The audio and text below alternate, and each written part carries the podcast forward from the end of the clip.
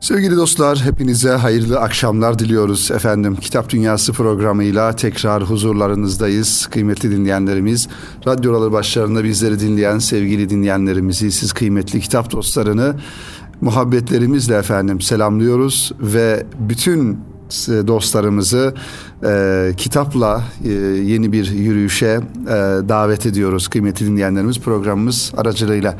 Kıymetli dostlar yine güzel kitaplarla huzurlarınızdayız. E, sizin için hazırlamış olduğumuz farklı yayın evlerinden derlediğimiz güzel kitaplarla inşallah programımızın bize ayrılan süresi içerisinde sizlere kitapları takdim edeceğiz. Efendim önümde Beyan yayınlarından, insan yayınlarından, e, Okur Akademi'den e, çıkan kitaplar var. Mat kitaptan çıkan bir kitap var inşallah. Mat iletişim, iletişim medyadan çıkan ki bu da aynı şekilde e, Okur Akademi'nin, Okur e, yayınlarının e, kitaplarından e, bir tanesi. Bunlar bu kitapla inşallah başlayacağız sevgili dostlar.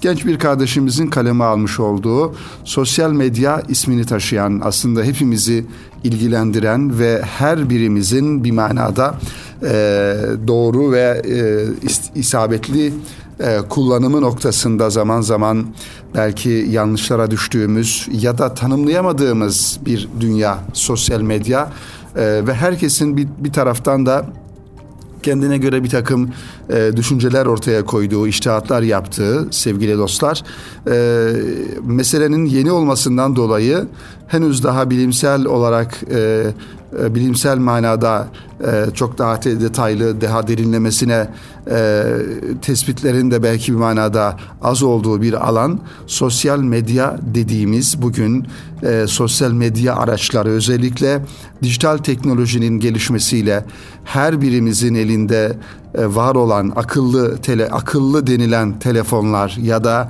tabletler ya da bu efendim unsurların bize sunmuş olduğu kolaylık olarak görülen e, bir hayat tarzı e, bugün geldiğimiz noktada sevgili dinleyenler her birimizi bir yönüyle bu hayata mahkum etmiş durumda. Şimdi e, bu konunun tabii ki e, uzun uzun konuşulması, e, hatta zaman zaman hatırlatılması ve her birimizin e, elinde bulunan bu telefonlar efendim e, dijital teknolojik aletlerin bize sunmuş olduğu bu imkanları acaba ne kadar doğru kullanıyoruz ne kadar e, isabetli kullanıyoruz? Çok basit manada bunları e, değerlendirip kendi adımıza ve bir yol haritası çizmemiz gerekir diye düşünüyorum sevgili dinleyenler. Onun için bu manada yazılan e, kitaplar genellikle bir kaygının neticesinde yazılıyor sevgili dostlar. Aslında bu kaygı da insanın e, bir biraz kendisiyle alakalı ki bizler de herhangi bir konuda bir düşüncemizi, bir kaygımızı, bir derdimizi ifade ettiğimizde aslında en başta kendi derdimizi, kendi kaygımızı ifade ediyoruzdur ya da kendi yaşamış olduğumuz tecrübeleri ifade ediyoruzdur e, sevgili dostlar. Onun için Gökhan İzgi Bey de Mat İletişim kitaptan çıkan bu e, kitabında da bu konulara temas ediyor. Sosyal medya e, ismini verdiği günlük hayatın vazgeçilmez bir parçası olmasına rağmen diyor arka kapak yazısında kitabının hala tam olarak anlaşılabilmiş bir olgu değil sosyal medya.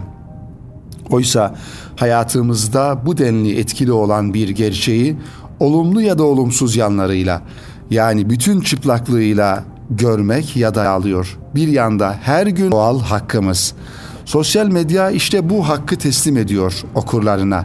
Sosyal medyayı tüm yönleriyle ele alıyor. Bir yanda her gün saatlerce vakit ayrılan iş hayatını, aile hayatını olumsuz etkileyen kötü bir alışkanlık diğer tarafta sağlıklı kullanıldığı takdirde hayatı kolaylaştıracak bir araç. Dolayısıyla bu büyük gerçeği inkar etmek ya da bu gerçeğe tamamen teslim olmak gibi bir kolaycılığa kaçmıyor.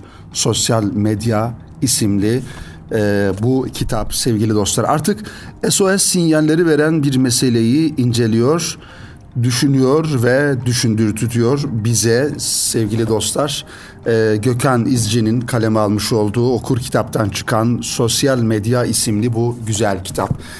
Efendim aslında e, bu konularda sevgili dostlar e, yazılmış olan birçok eser olduğunu, efendim bu konularda yine yapılan söyleşiler olduğunu, bilimsel yazıların da yavaş yavaş çoğaldığını ifade etmek gerekir. Ancak şunu da ifade etmemiz lazım ki aslında bu konuda herkesin kendine göre bir gerçeği olduğunu ve herkesin e, kendisini daha iyi bildiği bu konularda neler yapması gerektiği ya da sosyal medya kullanımının bağımlılık düzeyinde olup olmadığı nı da e, düşünmek lazım. Tabii gençler bu konuda en başta aklımıza gelen bir e, e, büyükler olarak diyelim işte yetişkinler olarak daha doğrusu gençlerimizi çocuklarımızı e, bu e, alışkanlıklardan koruma refleksiyle hareket etmemiz e, daha çok e, ön plana çıkıyor ancak geldiğimiz noktada bugün artık ee, belki de bu e, sistemi kuran aklın ya da e, insanlığa bunu e, sunan iradenin de istemiş olduğu bu ki insanların alışkanlıklarını, hayat e, biçimlerini, efendim meraklarını değiştirme noktasında e, bir e, kurgu yapılmış. Bugün e, özellikle sosyal medya e, kanalı e, denilen e, araçlarla yani Twitter, e, Facebook, efendim Instagram, diğer manada YouTube kanalları. Bu manada artık insanlar başka kitleleri başka insanlara etkileme unsuru olarak bunları özellikle büyük firmalar efendim ticaret yapan satış yapan firmalar e, bu kanalları üzerinden insanların üzerine e, etki etmeye çalışıyorlar ve nitekim de başarılı da e, oluyorlar. Tabii e, bu e, bunu bir alışkanlık olarak ya da bir e, iptila olarak düşünürsek neler yapmamız gerekir sevgili dostlar bunun karşısında? E, bir defa gerçek hayattan e, kopmamak gerektiğini, aslında hayatın e, somut, fiziki manada yaşayabildiğimiz, dokunduğumuz, e, gördüğümüz, hissettiğimiz, yani fiziki anlamda yaptığımız şeylerin aslında gerçek hayat olduğunun farkında olmak gerekiyor. Şimdi sanal gerçeklik olarak ifade edilen yani bu unsurlar vasıtasıyla oluşturulan bir hayat algısını bir zaman sonra insan gerçek hayatmış gibi e, ya da mesela artırılmış gerçeklik olarak ifade edilen yine bu unsurlar dijital unsurlar vasıtasıyla e, gerçek hayatta yaşı, yaşadığımız ya da e, algılarımızı daha fazla etkileyen bir takım unsurların yine bu araçlar vasıtasıyla bize sunuldu. Mesela kokunun, ısının, rengin e, yine bu araçlarla hissedilir hale getirildiği teknolojiler gelişiyor. E, tabii ki ifade ettiğimiz gibi sevgili dostlar kendimize bakacağız burada. Yani biz neredeyiz? Elimizdeki telefonumuzu gün içerisinde ne kadar kullanıyoruz, ne kadar bağımlıyız e, buna bakmamız lazım kendimizi e, tanıma noktasında. Aslında bu konuda başkalarına fazla e, nasihat etmeye, fazla efendim yön göstermeye lüzum da olmadığını düşünüyorum.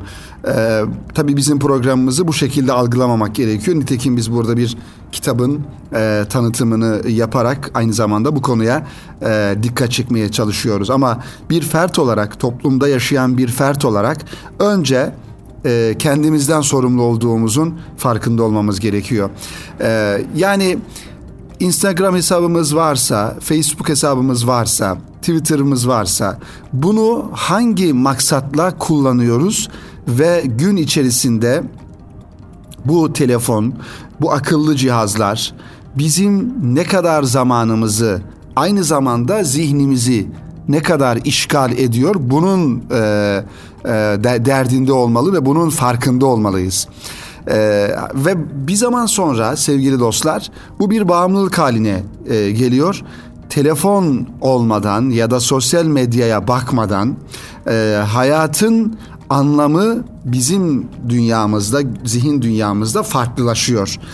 E, bunun klinik e, problemler çıkardığını e, biliyoruz ve e, uzmanı olan insanların ifadelerinden de anladığımız üzere klinik problemler dediğimiz şey özellikle yine genç, yaşlı ya da efendim kadın erkek ayrımı yapmadan her birimizde ortaya çıkan göstergelerin işte dikkat dağınıklığı, efendim tatminsizlik, hayattan e, tad almama, e, kaygı düzeylerimizin yüksek olması, stresimizin fazla olması.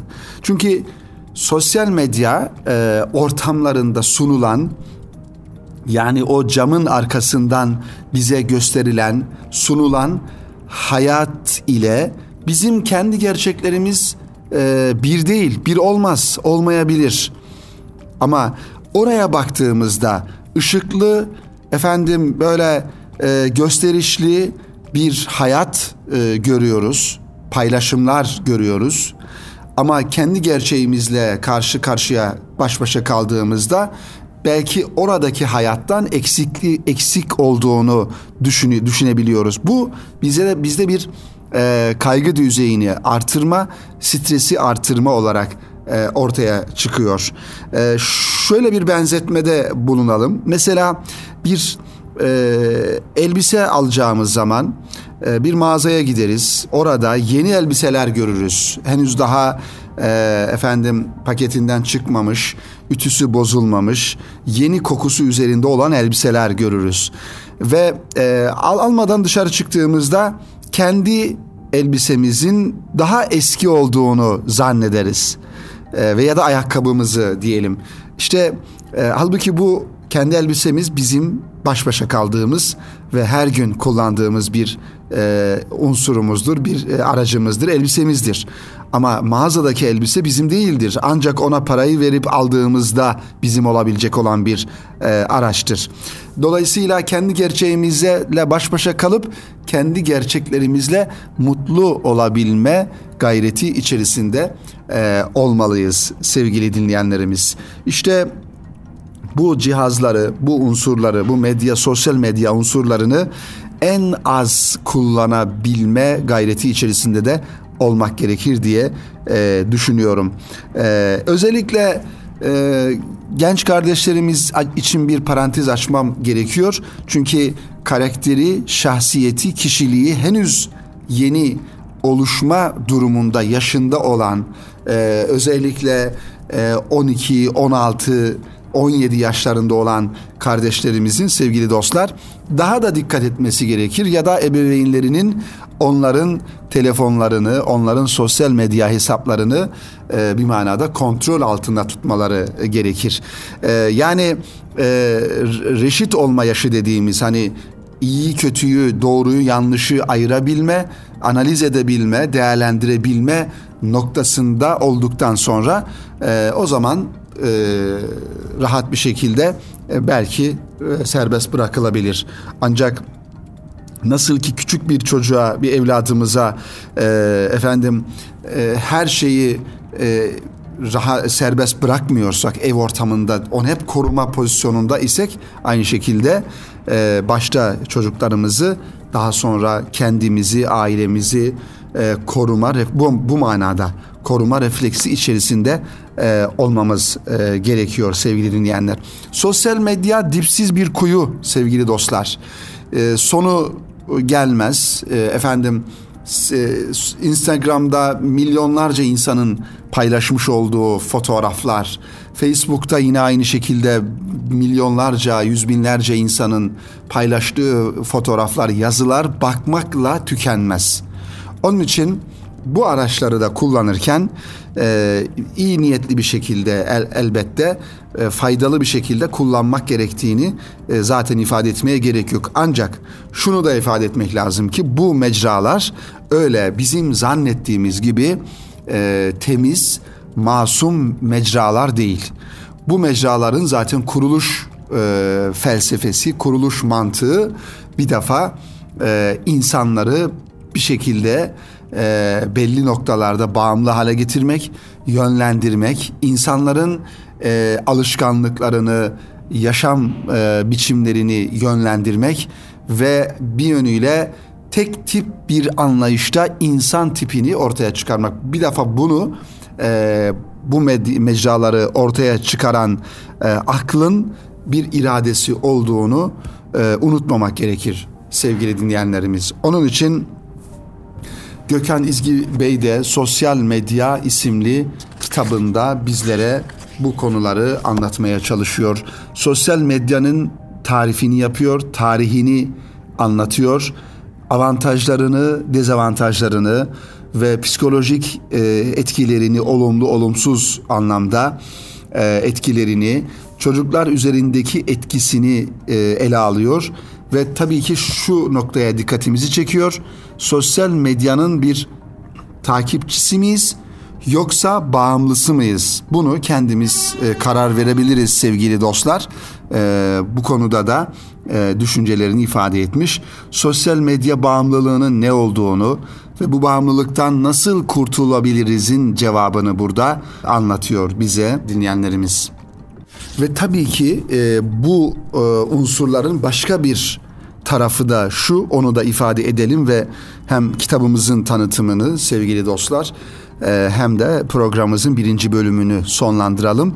Başka bir boyutu da şu, bugün Instagram kullanan, Facebook kullanan, Twitter kullanan ve diğer sosyal medya araçlarını kullanan insanların bütün bilgileri e, bir yerde, birilerinin elinde toplanmış durumda ve bunu da e, yine insanları yönlendirmek için bir e, efendim ticari araç olarak yani bu bilgileri satarak ticari bir araç olarak kullanarak e, insanların bilgilerini bu manada suistimal ediyorlar. Yani sosyal medyada sizin paylaşmış olduğunuz efendim e, e, fotoğraflardan tutun da gezdiğiniz, gittiğiniz, e, ilgilendiğiniz yerler veya konular e, her neyse bütün bunları aslında bir e, toplumun, bir milletin, bir ülkenin insanların adeta bir e, röntgenini çekebilme noktasında e, bir e, bilgi havuzu oluşturuluyor ve o insanların e, alışkanlıkları da buradan e, çözülerek e, o insanlar üzerinde eğer yapılmak istenen bir takım e, efendim operasyonlar varsa ya da emeller varsa bunlar da bu bilgilerden hareketle bu kaynak bilgilerden hareketle ortaya e, konuluyor. Onun için dünya artık elimizdeki bir telefon cihazının büyüklüğünde sevgili dostlar. Bütün dünya orada ve oradan bu bilgileri almak isteyen insanlar o bilgileri alıyorlar ve o bilgileri yine insanlığın maalesef aleyhine kullanma noktasında da bu bilgileri e, suistifade ediyorlar sevgili dostlar. İşte aslında şu da var. Bugün yine sosyal medyada paylaştığımız her e, e, unsur, her medya, her paylaştığımız her şey bir manada bizim de hem e, ruh fotoğrafımızı, ilgilerimizi, alakalarımızı, çevremizi e, ortaya koyuyor. Burada da bizim kişiliğimiz, karakterimiz, e, efendim dünyaya bakışımız, dünya görüşümüz de burada ortaya çıkmış oluyor. Bunu da bu vasıtalarla herkese ilan etmiş e, oluyoruz. Bunun da bir takım e, sakıncaları, olumlu olumsuz tarafları olduğunu da unutmamak lazım. Sonuç olarak sevgili dostlar, herkes kendisini bu manada bilir, bağımlılık durumunu bilir, alışkanlık durumunu bilir ama e, dikkat etmemiz gerektiğini de ifade edelim sevgili dinleyenlerimiz. Şimdi kısa bir ara verelim programımıza ve aranın ardından kaldığımız yerden devam edelim sevgili dostlar. Sevgili dinleyenler tekrar huzurlarınızdayız. Kıymetli dostlar, Kitap Dünyası programının ikinci bölümünde yine Okur Akademi'den çıkan güzel bir kitap. Bir konuyu e, özellikle e, bir konuya teksif olunmuş e, hususi bir konuyu e, anlatan bir kitapla e, inşallah devam edelim. Kitabımızın adı Derdimiz İlahiyat. Yazarımız Bayram Ali Nazır Nazıroğlu. Akademisyenlerin gözünden içe kritik bakış alt başlığını taşıyor. Okur Akademi'den çıkmış bu kitap e, sevgili dinleyenlerimiz. Efendim din konusu her zaman her birimizin tabii ki gündeminde olması gereken bir mevzu. Biz biz Müslümanız ve Müslümanlığımız hayatımızın ta kendisidir. Böyle bakmak gerektiğini e, düşünüyorum. Yani Müslümanlık hayatımızdan, dinimizden, İslam gibi bir gayemizden başka bir e, gayemizin olması söz konusu değildir. Onun için Müslüman olarak hayatımızın da gayesi bu. Yapmak istediğimiz her ne ise bu dünyada onlar da yine e, İslam'ın bize öğretmiş olduğu o gayeye dönük bir hayat tarzı olmalı. Tabii Türkiye'de sevgili dostlar özellikle Osmanlı Devleti'nin e, tarih sahnesinden çekilip Cumhuriyet'in kurulmasından sonra dini tedrisat, dini eğitimde farklı bir boyuta e, geçmiş oldu. Yani Cumhuriyet'in kurulması ve Tevhidi Tedrisat Kanunu dediğimiz eğitimin birleştirilmesi yani kız ve erkeklerin bir arada eğitime tabi tutulması ve bir yönüyle e, modern bir e, işte akılla daha akılcı bir yaklaşımla diyelim e, eğitim sisteminin oluşturulması neticesinde farklı bir boyuta e, girilmiş oldu. Tabii neticede bu ülkede e, her ne kadar bir o zaman yani Osmanlı Devleti tarih sahnesinden çekilip cumhuriyet kurulup yeni bir devlet anlayışı, yeni bir rejim ortaya çıkmış olsa da topraklarınızda yani bu ülkede yaşayan insanlar aynı insanlar. Yani insanları bir yere gönderip farklı insanlar e, gelerek bu rejim kurulmadı. Bu milletin üzerine bu topraklarda kurulmuş oldu. Dolayısıyla bu insanların, bu toplumun gerçeklerini de öyle bir anda, bir günde, efendim bir yılda ya da birkaç yılda ortadan kaldırmak gibi bir şey söz konusu olmadı. Her ne kadar Cumhuriyet döneminde yapılan inkılaplar vasıtasıyla bu milletin kendi gerçekleri, kendi hakikatleri yok sayılıp ortadan kaldırılmaya çalışılmış olsa da bu da başarılı e, olunmamıştır diye düşünüyorum. Mesela bunlardan bir tanesi diyelim şapka inkılabı, işte harf devrimi, kılık kıyafet devrimi bunlar e, yapılmış e, ama e, bugün şapkayı takan, kafasına şapkayı takan kim var toplumumuzda? Harf inkılabı yapılmış diyelim ki işte Kur'an elifbasından Latin alfabesine geçilmiş ama bir taraftan yine de e, Kur'an elifbası e, ortadan kaldırılamamış, kullanılır hale gelmiş.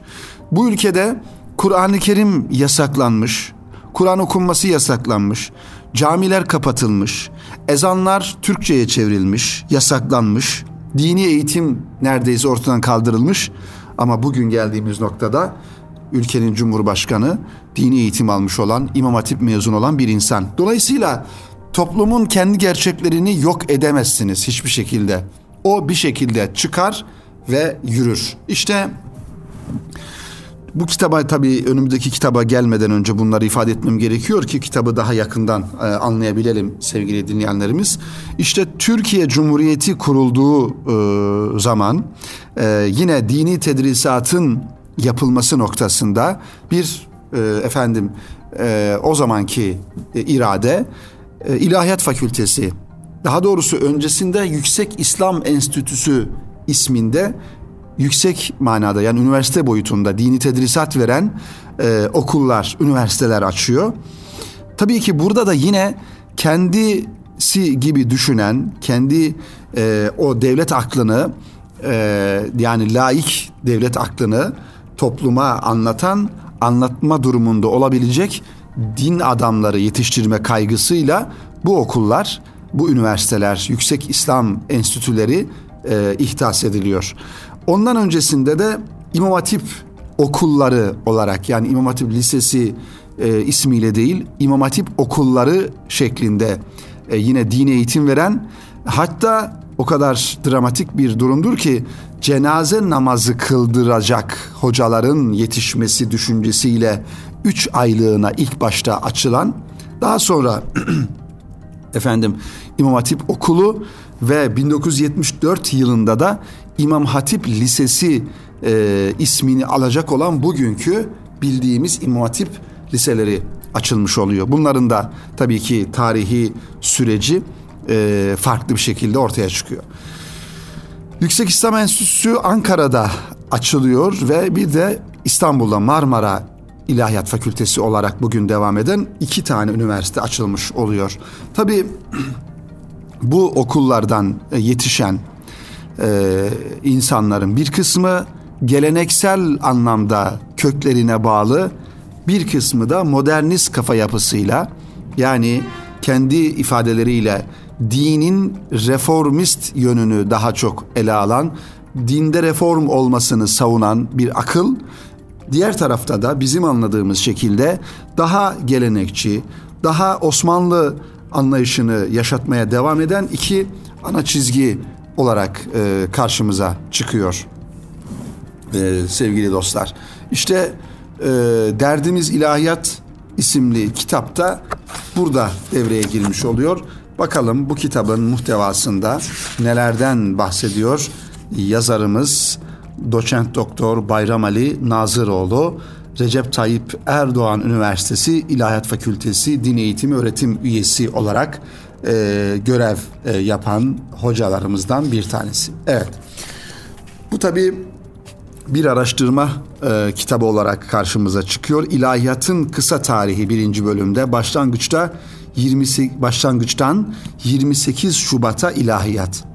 Evet, Osmanlı'nın son dönemi medreseden üniversiteye az önce ifade etmeye çalıştığımız bir e, zaman dilimi.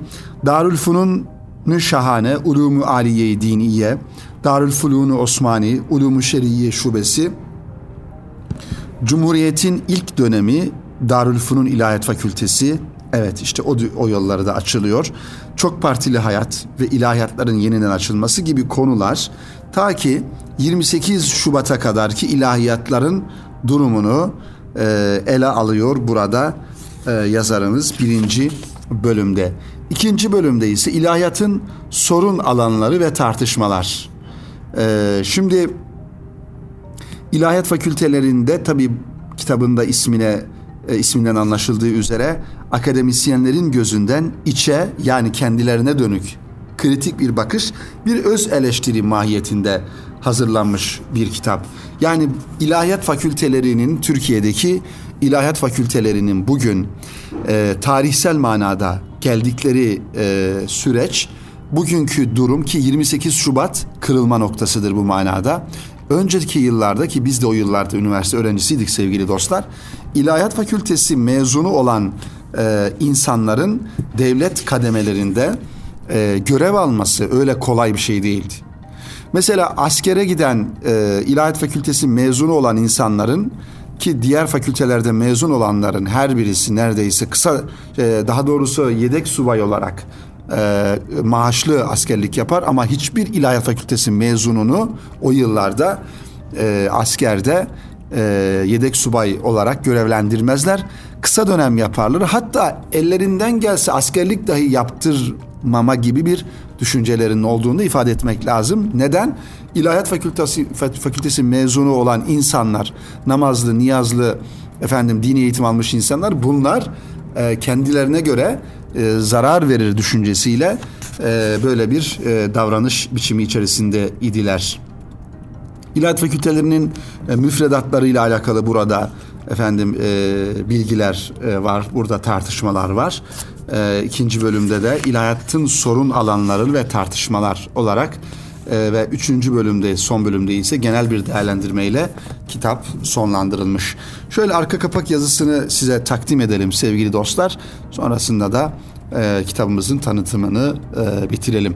Türkiye'de ilahiyat ve onunla ilgili meseleler sürekli tartışmalı bir zeminde ele alınmaktadır. Bu durum bir yandan ilahiyatla ilgili tüm paydaşları zihnen diri tutarken öte yandan ilahiyatın kurumsal anlamda istikrarlı bir gelişim göstermesine ve toplumsal yarar fayda üretmesine mani olmaktadır. İlahiyata dair içeriden ya da dışarıdan getirilen yapıcı, yıkıcı, eleştirel ve oluşan doğal suni algılar çoğu zaman yüzeyselliğe yönelik e, yenik düşmekte, ara ara ortaya konulan dönüşüm çabaları ne yazık ki istenilen sonucu vermemektedir. Herkesin ilahiyatı her açıdan konuştuğu bir konjüktürde elinizdeki bu eser ilahiyatı anlamak için ilahiyatın akademisyenlerine kulak vermekte ve onların gözünden e, geçmişe, şimdiye ve geleceğe yönelik kritik bir perspektif oluşturmayı amaç edinmektedir. Şimdi son olarak şunu da ifade etmek lazım. Fakirde bir ilahiyat mezunu olarak sevgili dinleyenler, aslında dini eğitim e, alan ve dini e, bu manada kendine bir meslek olarak gören yani ilahiyat okumuş, imam hatip okumuş, efendim imam hatip görevini almış ya da din kültürü e, öğretmenliği yapan, İmam Hatip Lisesi'nde meslek dersleri öğretmenliği yapan, bu alanda faaliyet gösteren her bir insanın aslında birinci derecede belki e, bilmesi gereken, farkında olması gereken nokta şu ki bu bir gönül meselesidir. Bunu hiçbir şekilde diğer meslekler gibi düşünmemek ve bir meslek olarak bakmamak lazım. İş olarak yaptığımızda da bunu bir iş olarak maaş karşılığı yapılan bir iş olarak görmemek lazım. İlahiyat okumuş olan, İmam Hatip okumuş olan, dini eğitim almış olan bir insan en başta bunu bir gönül meselesi olarak görüp bir ilahi rıza düşüncesiyle e, hareket etmesi ve bunu bu şekilde yapması gerekir. Öbür manada eğer işin içine akıl, mantık, efendim modern kafa gibi böyle e, güncel kafa karıştırıcı şeyler işin içine girdiği zaman o zaman e, teoloji dediğimiz yani klasik bir dini eğitim, dini bilgi olarak kafamızda olur. Herhangi bir bilgi gibi bir e, efendim fen bilgisi gibi, bir edebiyat gibi, bir fizik gibi bilgi olur kafamızda ama hayatımızı aksetmez. Halbuki ilahiyat eğitimi, din eğitimi aslında e, teoriden ziyade, bilgiden ziyade pratiğe yani amele dönüştürülmesi gereken bir alandır. En başta bunu bunun eğitimini alan insanlar bu şekilde düşünmesi gerekir diye e, düşünüyorum sevgili dostlar. Efendim bu programda e, sizlere, siz sevgili kitap dostlarına iki tane kitabı takdim etmeye çalıştık. Birinci bölümde sosyal medya ismini taşıyan Gökhan İzgi imzasıyla e, Okur Akademi'nin Mat Akademi olarak alt başlığıyla yayınlamış olduğu ve yine aynı yayın evinin e, doçent doktor Bayram Ali Nazıroğlu'nun Derdimiz İlahiyat isimli kitabını sizlere bu program içerisinde takdim etmeye çalıştık. Umarız faydalı olmuştur sevgili dostlar. Önümüzdeki hafta yine aynı gün ve saatte tekrar huzurlarınızda olmayı ümit ediyoruz ve hepinizi Rabbimize emanet ediyoruz efendim. Hoşça kalın, hayırla kalın sevgili dostlar.